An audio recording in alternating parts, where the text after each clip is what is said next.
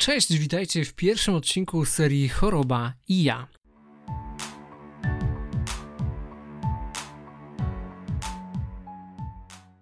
Podkaście, w którym osoby cierpiące na schorzenia przewlekłe opowiadają swoją historię. Po tej stronie mikrofonu słyszycie dwa fartuchy, czyli Patrycję i Józefa. A po drugiej stronie naszego gościa, studentkę szóstego roku medycyny Magdę, która opowie nam wszystkim o celiaki, na którą choruje. Cześć Magda. Cześć, witajcie. Dziękuję bardzo za zaproszenie. Słowem wstępu chcielibyśmy powiedzieć kilka słów na temat celiaki, na którą cierpi 1% populacji. Jest to choroba o charakterze autoimmunologicznym, w której występuje nieprawidłowa reakcja odpornościowa organizmu, czyli atakuje on własne tkanki. Celiakia wiąże się z nietolerancją glutenu, czyli białka zapasowego występującego w zbożach, takich jak pszenica, żyto czy jęczmień. Gluten z kolei powoduje zanik kostków jelitowych, co następnie prowadzi do zaburzeń wchłaniania, niedożywienia i w efekcie do niedoboru składników odżywczych. Przyczyny celiaki nie są do końca zdefiniowane, ale uważa się, że znaczną rolę odgrywają czynniki genetyczne, a także środowiskowe, metaboliczne, immunologiczne i zakaźne. Objawy mogą wystąpić nagle lub pojawiać się stopniowo, a czasami nie występują one w ogóle. Objawami tego schorzenia są bóle brzucha, wzdęcia, biegunki, spadek masy ciała czy symptomy związane z niedoborami różnych składników odżywczych. Są one zależne od typu celiaki. Diagnozę stawia się na podstawie badań laboratoryjnych krwi oraz biopsji błony śluzowej jelita cienkiego. W krwi oznacza się aktywność swoistych przeciwciał, a jedynym skutecznym leczeniem tej choroby jest dieta bezglutenowa. I właśnie o tym będziemy rozmawiać z naszym gościem. Zaczynając zatem od początku, jak zaczęła się Twoja historia z celiakią i jeżeli mogłabyś nam uchylić rąbka tajemnicy, to jak doszło do postawienia diagnozy? Byłam na pierwszym roku studiów, wtedy jeszcze studiowałam w Warszawie, byłam na pierwszym roku weterynarii. Tak naprawdę od liceum miałam jakieś problemy z żelazem. Ciągle miałam niedobór, którego nie mogłam wyrównać. Ale jak pojechałam na studia, to pojawił się kolejny objaw biegunka. Taka przewlekła biegunka, e, która była po prostu uporczywa i jest to charakterystyczne o nieprzyjemnym zapachu. I w momencie, kiedy pojawił się ten objaw, zgłosiłam się do gastroenterologa i została e, zasugerowana celiakia. Dla tego lekarza było jakby to takie oczywiste, że no to może to jest celiakia, to spróbujmy iść w tym kierunku. Dla niego było to takie oczywiste. Ja nigdy wcześniej o tej chorobie nie słyszałam. Miałam pobraną krew na badania serologiczne, a jakieś kilka dni później e, miałam już e, gastroskopię. I pamiętam, że w momencie, kiedy miałam robioną gastroskopię, to już wtedy mm, lekarz zasugerował, że to może być celiakia, bo faktycznie są takie już objawy makroskopowe. Poczekałam trochę na wyniki. Potem poszłam drugi raz do lekarza już z pełnym pakietem wyników. No i wtedy usłyszałam, że potwierdziła się celiakia. Z medycznych ciekawostek to w skali marsza praktycznie nie miałam kostków jelitowych. U mnie jakby większy problem, problem był, żeby trafić do tego gastroenterologa, bo ja wcześniej, tak jak mówiłam, miałam niedobór żelaza i odwiedziłam, no już pomijając lekarzy rodzinnych, którzy przepisywali mi żelazo po prostu w tabletkach, ale ja byłam i u hematologa, po prostu jakby omijałam specjalistę, który był mi potrzebny, czyli nie trafiłam do gastroenterologa, ale w momencie, kiedy już trafiłam, to stwierdził, że to jest tak charakterystyczny ten obraz mojej choroby, że może to jest celiakia. Ja nie wiem, czy wtedy właśnie wchodziła taka moda na tą celiakię, w sensie w środowisku medycznym, e, bo jakby wcześniej celiakia była kojarzona z dziećmi, że to jest choroba wieku dziecięcego, a dopiero potem, że to faktycznie może dotyczyć dorosłych. I może w dobrym momencie mm, trafiłam do tego lekarza. Jak zareagowałaś więc na, na usłyszaną diagnozę? Pamiętam, jak po drugiej wizycie, e, kiedy już miałam wszystkie wyniki badań, mm, poszłam do lekarza i usłyszałam tą diagnozę celiakia. Jakby sama diagnoza nie była taka straszna, ale to, że usłyszałam mocne słowa pod tytułem dieta do końca życia. To były takie słowa, które gdzieś tam brzmiały mi w głowie. I jak wyszłam od lekarza, to najzwyklej w świecie się popłakałam. Pamiętam to, jakby to było normalnie wczoraj. Siedziałam na przystanku z moim chłopakiem i płakałam, rozmyślając y, o tym, czego nie będę mogła zjeść. Miałam w głowie takie wirujące burgery, pizze.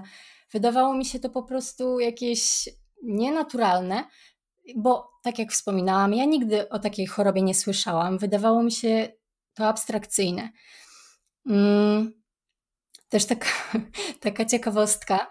E, jakby niewiele pamiętam z tamtego okresu, ale to, to jest takie żywe wspomnienie. Jak się dowiedziałam, że muszę przejść na dietę bezglutenową, to najbardziej, ale to najbardziej przeżywałam fakt, że nie będę mogła pić piwa. To faktycznie może być duży problem dla studentów. Jak sobie radziłaś na początku z chorobą? Ja byłam wtedy na pierwszym roku studiów i wszystkie wyjścia ze znajomymi e, z grupy były oczywiście na piwo. I ja pamiętam, jak ja rozpaczałam, że nie będę mogła wyjść z grupą na piwo, mimo że ja tego piwa nawet nie lubię. A to były czasy, kiedy w knajpkach nie można było jeszcze dostać um, cydrów. Więc naprawdę ten problem, ten problem wydawał mi się dosyć istotny. Jakby nawet nie samo jedzenie, a te wyjścia ze znajomymi. I zapytałaś, jak radziłam sobie na początku z tą chorobą. Myślę, że poza tym, że ja w ogóle nie wiedziałam, czym jest gluten, to bałam się tego, że ja nie wiem, co muszę, co mogę jeść, czego muszę unikać. Także pierwsze takie uczucie to była taka niepewność. Mówisz, że na początku niewiele wiedziałaś na temat celiaki. Gdzie szukałaś potrzebnych ci informacji? Byłam totalnie zielona i pierwsze, co zrobiłam, to zaczęłam szukać informacji. Gdzie? Oczywiście w internecie. Więc trafiłam po pierwsze na stronę fundacji celiakia.pl. Tam są tabelki, w których wypisane są produkty, które, które są bezglutenowe, które mogą zawierać śladowe ilości glutenu i te glutenowe. Kolejna rzecz, trafiłam na świetnego bloga. E, bloga, którego autorka pisała maile do różnych firm, do popularnych firm, w których pytała, czy ich produkty, które produkty zawierają gluten. To, był moje, to naprawdę było moje ulubione źródło wiedzy, bo wiadomo, na takich oficjalnych stronach typu celiakia.pl to mamy, a przynajmniej kiedyś tak było, to mamy wypisane produkty bezglutenowe typu jabłka, banany, warzywa. Jakby ta wiedza nie była dla mnie wystarczająca. Ja chciałam wiedzieć, czy gluten zawierają kinderki, czy gluten zawierają jakieś popularne batoniki. I na tym blogu właśnie ta wiedza była. To co Twoim zdaniem było najważniejsze na samym początku? Myślę, że ważne było to, żeby nauczyć się y, czytać opisy, y, czytać składy na produktach. Y, ja nigdy nawet nie wiedziałam, że każdy produkt obowiązkowo musi mieć opisany swój skład, więc to było dla mnie totalna nowość, bo tak jak mówiłam, się nigdy wcześniej żywieniem tak na dobrą sprawę nie interesowałam. E, też e, byłam na takich targach bezglutenowych. To wszystko, te blogi, te targi bezglutenowe, one jakby pomogły mi się odnaleźć w całej tej sytuacji, bo nie ukrywam, że dla osoby, która totalnie nie zwraca uwagi na to, co je, bo ja nigdy nie byłam na żadnej diecie wegetariańskiej, wegańskiej, nigdy też jakby nie promowałam tak naprawdę tego zdrowego stylu życia i się tym no, nie interesowałam. Coraz częściej na wielu produktach można zauważyć znak przekreślonego kłosa. Co on oznacza? E, tak, jest to licencjonowany znak przekreślonego kłosa. Jest to taka ważna informacja dla osób chorych na celiakię, że te produkty są dla nas bezpieczne. Aczkolwiek trzeba pamiętać, że oprócz tego znaku może być też sam napis produkt bezglutenowy, ale jakby nie będę się zagłębiać w to, co, co one oznaczają. Plus ja zawsze czytam składy i jeśli nie ma tego znaczka, to po prostu sprawdzam, czy w składzie mm, nie ma glutenu. I to jest ważne. Usłyszenie diagnozy wywołuje w człowieku szereg emocji. Jak podeszłaś do tego i w końcu, czy miałaś problem z zaakceptowaniem choroby? Ja do tej diagnozy podeszłam mocno zadaniowo. Jakby wiedziałam, że mam problem i chciałam znaleźć na to jakieś rozwiązanie. Wiedziałam, że rozwiązaniem jest dieta bezglutenowa i po prostu się do niej zastosowałam, więc nie mogę powiedzieć, że miałam problem z zaakceptowaniem, bo ja go nie miałam.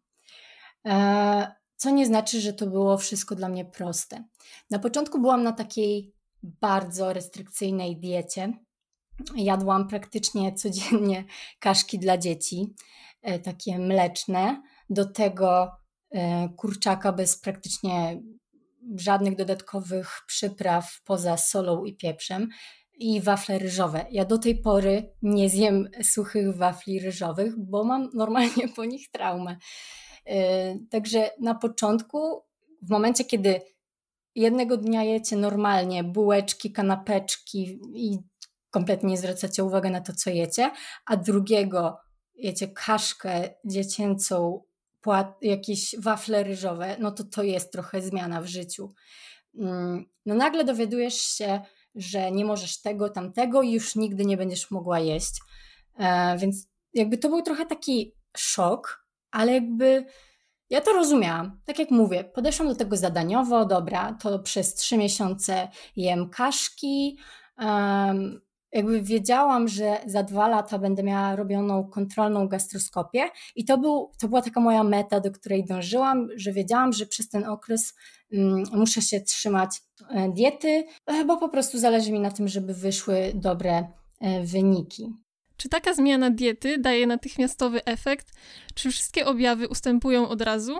E, nie ma natychmiastowych efektów. Trzeba troszeczkę poczekać, aż e, odbudują się kosmki, ale faktycznie te efekty zauważyłam i od razu tutaj e, powiem, że faktycznie po dwóch latach miałam zrobioną kontrolną gastroskopię i wszystko było pięknie odbudowane. Także pierwszy sukces, tylko wiecie, minęły dwa lata, a to wcale nie była meta, tylko po prostu informacja, że robisz dobrze, trzymasz się diety, a teraz do końca, do końca życia się jej trzymaj. Chyba na samym początku nie polubiłaś się z tą dietą, prawda? To nie jest tak, że zmieniłam tą dietę i że od razu ona mi przypadła do gustu. To jedzenie było bez smaku. Można powiedzieć dosyć drastyczne, bo nagle musiałam patrzeć na wszystko, co jem. No nie ukrywam, że te smaki kompletnie mi nie odpowiadały. E, więc faktycznie czasami gdzieś tam towarzyszyła irytacja, może nawet złość. No nigdy nie tupałam nogami, nie mówiłam, że dlaczego mnie to spotkało, czy, czy że nie będę na tej diecie. No bo jakby nie patrzeć, miałam 19 lat, byłam już dorosła, także nic z tych rzeczy. Mm, ale no nie było to fajne. Na pewno nie było to fajne.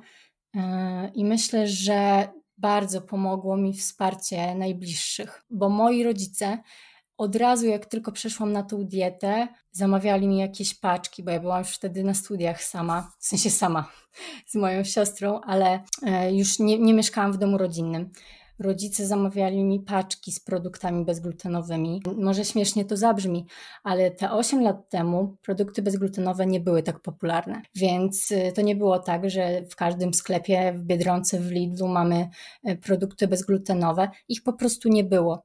Był jeden sklep w Warszawie z produktami bezglutenowymi i parę stron internetowych. I te strony internetowe naprawdę mnie uratowały.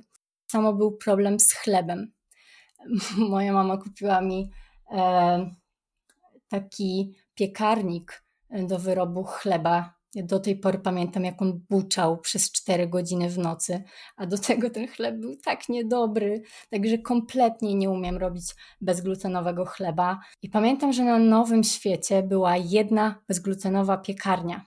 I tam jeździłam po taki okropnie drogi chleb, ale jakby to była jedyna szansa, żeby zjeść taką normalną kanapkę.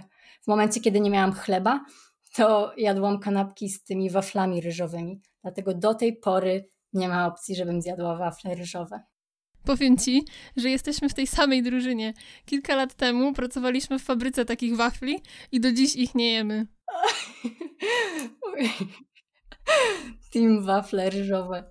Zadam ci teraz nieco prywatne pytanie, ale jestem ciekaw, jak na chorobę zareagowała twoja rodzina pamiętam, żeby ich reakcja była jakaś znacząca. Na pewno ja zawsze mogłam liczyć na wsparcie od moich rodziców, więc jak okazało się, że muszę przejść na dietę bezglutenową, to jakby od razu było, aha, dobra, no to skąd mamy zdobyć produkty bezglutenowe, bo wiadomo, chcieli, żeby te moje życie jakby mm, było jak najbliższe tej e, takiej normalności, czyli żebym miała swój makaron, swój chleb, e, swoją mąkę i to faktycznie trzeba było zamawiać online, więc moja mama zawsze robiła te zamówienia, jakieś ciasta, ciastka. Także pod tym względem e, moi rodzice od razu e, sta, e, wykazali się pełną gotowością do pomocy. Myślę, że też warto wspomnieć, y, że ja mogłam też liczyć od razu na wsparcie mojej siostry, mojego chłopaka, moich przyjaciół. Tak od razu, nie wiem, mogę o tym powiedzieć, że jak chodziłam na jakieś imprezy do znajomych, to zawsze mogłam liczyć na to, że będzie jakaś sałatka bezglutenowa. I to było wiecie, od razu powiedziane, ta sałatka jest dla Magdy, oczywiście każdy mógł ją jeść, ale zawsze było, Magdusia, przygotowałam dla ciebie tą i tą sałatkę, to jest bezglutenowe, to jest bezglutenowe, także to, to wsparcie znajomych było duże. Oczywiście nie obyło się bez żartów, e, że dostanę na urodziny kilogram mąki, Także pamiętam takie żarciki, heheszki. I też to, co pamiętam, to ja się tak wstydziłam na początku tej choroby. To nie było tak jak teraz, że ja mam konto na Instagramie Gluten Free Med Student, tylko ja raczej zostawiałam tą informację dla siebie. Pamiętam najbardziej takie dla mnie stresujące sytuacje, jak chcieliśmy iść do restauracji. Ja się tak strasznie wstydziłam zapytać kelnera, czy w karcie jest coś bezglutenowego, czy, czy ta potrawa, która mnie interesuje, czy ona na pewno nie zawiera glutenu. Jakby to mnie tak krępowało, bo ja nie lubiłam zwracać na siebie uwagi. To mnie wręcz paraliżowało. I właśnie tutaj mogłam bardzo liczyć na wsparcie mojego chłopaka i praktycznie zawsze to on się pytał. Tak, ja po prostu zawsze było takie, ej weź, ty się zapytaj. Nie wiem, nie wiem o co chodzi, ale po prostu mnie to na maksa krępowało. Jeszcze jedną sytuację pamiętam, bo to jest ważne.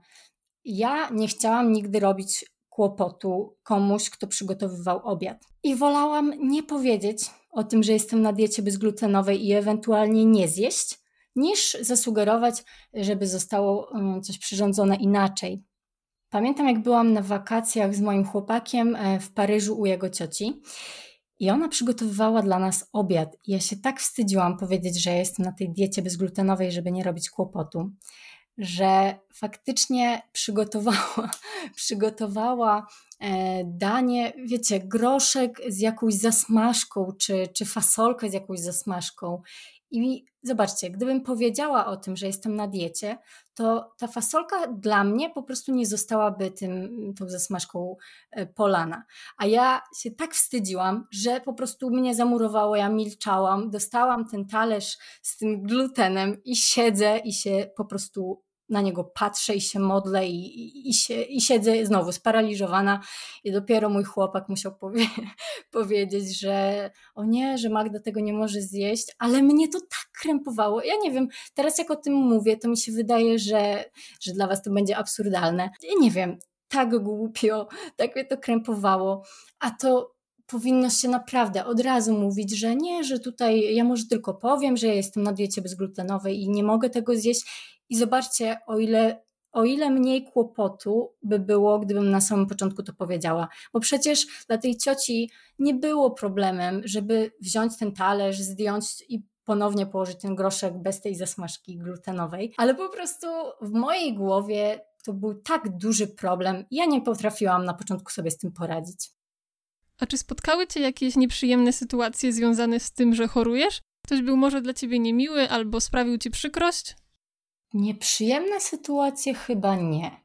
Myślę, że takie może niekomfortowe pytania, jakie kiedykolwiek padały, to w momencie, kiedy dieta bezglutenowa, jakby nie wiem, czy kojarzycie, ale był taki boom, że nagle dieta bezglutenowa zrobiła się niesamowicie popularna. Ja nie wiem, czy to ze sprawą Ani Lewandowskiej, czy, czy innych znanych osób.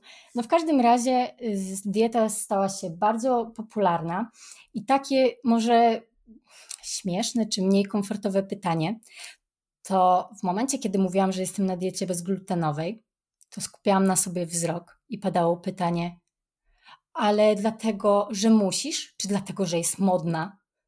I to pytanie było dla mnie zawsze takie, takie dziwne. I jak mówiłam, nie no, dlatego, że mam celiakię, to była taka ulga, okej. Okay. Naprawdę, to widać było w głosie rozmówcy ulgę, że to nie jest na pokaz, Także miałam wymówkę, byłam chora i mogłam być na diecie bezglutenowej. Ale tak y, teraz już kompletnie, totalnie mm, na poważnie.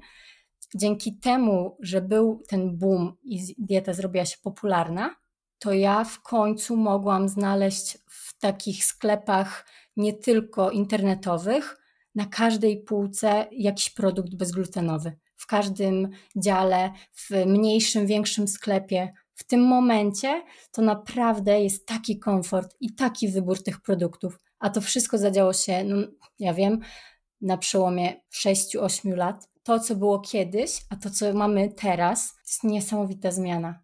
Teraz to, teraz to naprawdę nie jest żaden problem być na diecie bezglutenowej. Celiakia to nieuleczalna choroba i można by powiedzieć pół żartem, pół serio, że jesteś już weteranką. Jak więc dziś radzisz sobie z tą chorobą? Aktualnie, kiedy już dobrze wiem, co zawiera gluten, czego unikać, co mogę jeść, wiem, które chleby są smaczne, które, których nie lubię. Um, wiem, gdzie szukać e, zamienników, takich jak na przykład bezglutenowa bułka tarta. E, to jest naprawdę proste. Aktualnie idę do popularnych supermarketów i tam na spokojnie mogę zrobić zakupy. Jakby najbardziej chodzi mi o to, że w momencie, kiedy zaczynałam być na diecie bezglutenowej, trzeba było się nieźle nagimnastykować. Trzeba było y, robić zakupy online, trzeba było szukać. No mówię, nawet byłam na tych targach bezglutenowych, żeby dowiedzieć się, że jest bezglutenowa pizza albo że jest jakiś bezglutenowy makaron. Teraz to wszystko jest. To wszystko znajdziemy y, w sklepach może to nie jest duży wybór w tych popularnych sklepach, nie wiem, nie będę rzucać nazwami, ale jeśli chcemy coś bardziej, bardziej wyszukanego, to to też jest dostępne. Aktualnie muszę przyznać, że to w ogóle nie jest uciążliwe. No, faktycznie nie zjem w, w, każdej restauracji, jakby muszę znaleźć dla siebie miejsce, więc zawsze gdzieś się z kimś umawiam, to muszę poszukać, sprawdzić, jakby przeważnie to jest y, wybierane pode mnie, ale te miejsca są i ja to bardzo doceniam, bo kiedyś ich po prostu nie było. Wiadomo też, że tak naprawdę dzisiaj szukamy wszystkiego w internecie, więc chciałbym Cię zapytać, czy mm, znalezienie restauracji bezglutenowej, czy z jedzeniem bezglutenowym jest proste? I po drugie, gdzie szukać informacji właśnie o takich restauracjach? Na pewno są informacje umieszczane na TripAdvisorze. Mm, jest też taka strona, którą miałam na końcu polecić, menu bez glutenu. To jest spis wszystkich certyfikowanych e, miejsc bezglutenowych. Mm, muszę podkreślić słowo certyfikowanych, bo w wielu miejscach można znaleźć jakieś bezglutenowe potrawy, czy można poprosić kelnera, żeby może coś pokombinował, kucharza, e, ale faktycznie są takie miejsca, które są e, dedykowane osobom chorym na celiakię i tam mamy stuprocentową pewność, że wszystko jest bezglutenowe, że to jest sprawdzone, że to jest kontrolowane i takie miejsce znajdziemy właśnie na tej stronie menu bez glutenu. I to obejmuje całą Polskę i wszystkie miejsca, e, które, które są bezglutenowe, tam właśnie znajdziemy. Słuchaj Magda, tak między nami, Zdarzyło ci się kiedyś zjeść zakazaną, chrupiącą kajzerkę? Bawi mnie ta kajzerka. E, szczerze mówiąc, to nie. Inaczej. Nie świadomie. Ja bardzo pilnuję mojej diety i jestem świadoma tego, że muszę ją trzymać. Jakby każde odstępstwo spowoduje ponownie tą reakcję zapalną, której nie chcę. Także mm, świadomie trzymam się tej diety. E, ale i tu mam dwie ciekawe historie. E, faktycznie zdarzyło mi się gluten zjeść i to dwukrotnie. Było to nieświadomie. Pierwszy raz, zobaczcie, ta dieta bezglutenowa zrobiła się popularna i każdy większy supermarket ma takie działy bezglutenowe. Tylko, że nie każdy do końca mm, jakby zastanawia się nad tym, jak ważne jest to, żeby nie pomylić produktu, który jest bezglutenowy, który, który jest bezlaktozowy. Jakby niektórzy wrzucają wszystkie te produkty do działu niby bezglutenowego, ale nie każdy produkt, który tam się znajduje, faktycznie bezglutenowym jest. Czyli niektórzy wrzucają, no może nieświadomie, jakieś ekoprodukty w jednym miejscu i nie wszystkie są bezpieczne. No ale ja już sobie tak zluzowałam, patrzę, widzę półka bezglutenowa, patrzę, mówię, o super, krakersy, wezmę. Także wzięłam te krakersy i byłam tak przekonana, że, że po prostu to jest wszystko bezglutenowe, że zapomniałam sprawdzić e, ponownie, e, kiedy miałam ochotę na te krakersy, e, że, że, nie sprawdziłam tego składu, bo ja przeważnie składy sprawdzam, praktycznie tak jak przed podaniem, jak lekarz przed podaniem leku sprawdza, co, co podaje, tak ja zawsze sprawdzę, zanim zjem jakiś produkt, jeszcze ten skład. No ale tu już się tak poczułam pewnie i pamiętam to bardzo dobrze. Z moją koleżanką Olgą jechałyśmy pociągiem, by the way, w Szwajcarii. Ja wyjęłam te krakersy i tak sobie zaczęłam je jeść. I tak mówię jej, ale super, one smakują jak takie normalne. I byłam taka zadowolona, że te produkty już e, smakują coraz lepiej. I tak jem, jem, jem. I z nudów zaczęłam czytać ten skład. A tam oczywiście mąka pszenna. Powiem Wam, moja reakcja była totalnie dziecinna, ale ja się rozpłakałam i zaczęłam y, lamentować, że jak to może być, że w sklepach e, takie produkty sprzedają pod, pod szyldem bezglutenowe i tam się nad tym rozwodziłam. No w każdym razie to był pierwszy e, moment, kiedy zjadłam gluten. No ale nic mi się nie stało, nic jakby nie odczułam. Ale co sobie popłakałam, to moje. A drugi raz to był jakoś ostatnio. Ale kurczę, teraz totalnie wypadł mi z głowy. Ale pamiętałam, że dwa razy, yy, dwa razy zjadłam coś glutenowego. No ale widzicie, nie, nie przypomnę sobie tego, ale tak jak widzicie, to nie, był, to nie jest częste, ale mi się gdzieś to tam wgrywa w głowie. Ja nie robię sobie cheat days, ani nie wiem, nie mówię, że a tu tylko troszeczkę. Czyli można powiedzieć, że jesteś pilnym i posłusznym pacjentem, mam rację?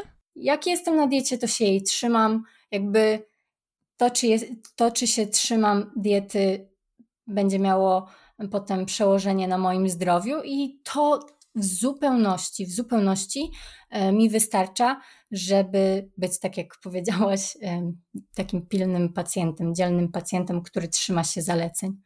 A jeżeli mogłabyś nam powiedzieć, co jest dla ciebie albo kto jest dla ciebie największym wsparciem w chorobie?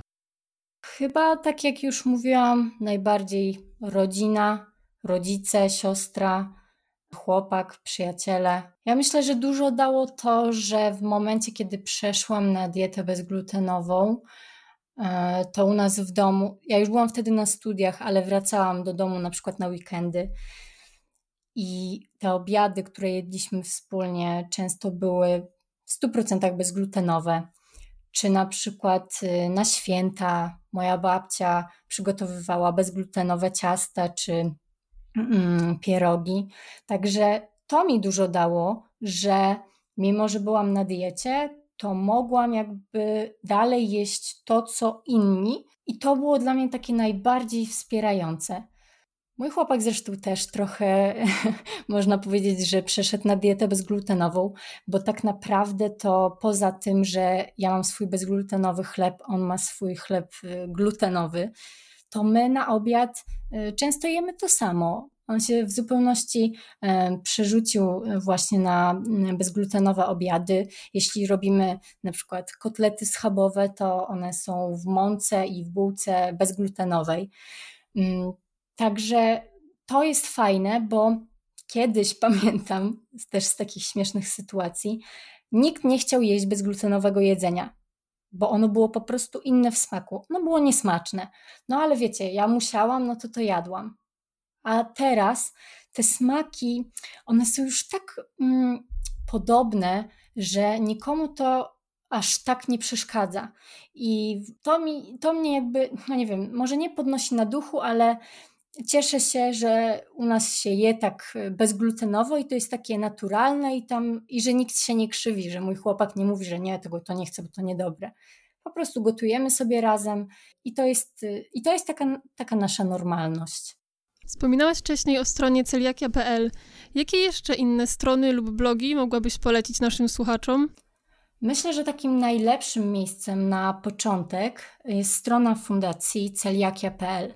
To właśnie tam są takie najbardziej rzetelne mm, i dokładne informacje. Tam znajdziemy tabelki, w których mamy wypisane produkty, e, które, które są bezglutenowe, które mogą zawierać śladowe ilości, które są e, totalnie zabronione. Tam też pojawiają się informacje o nowych produktach, które mm, pojawiają się ze znakiem przekreślonego kłosa. E, także to jest najważniejsze miejsce. Następnie e, odsyłam również do strony menu bez glutenu, bo tam się dowiemy, gdzie możemy bezpiecznie zjeść na mieście. No i tutaj nie byłabym sobą, gdybym nie poleciła e, kont na, Instag- na Instagramie. I tutaj mam takie trzy Pierwsze to bezglutenowa mama i ona też prowadzi swojego bloga. Jest to bardzo zaangażowana osoba w e, promowanie tej bezglutenowej e, diety. Drugie konto to moje ulubione bezglutenowe przepisy i to konto to nazywa się Sposób na gluten.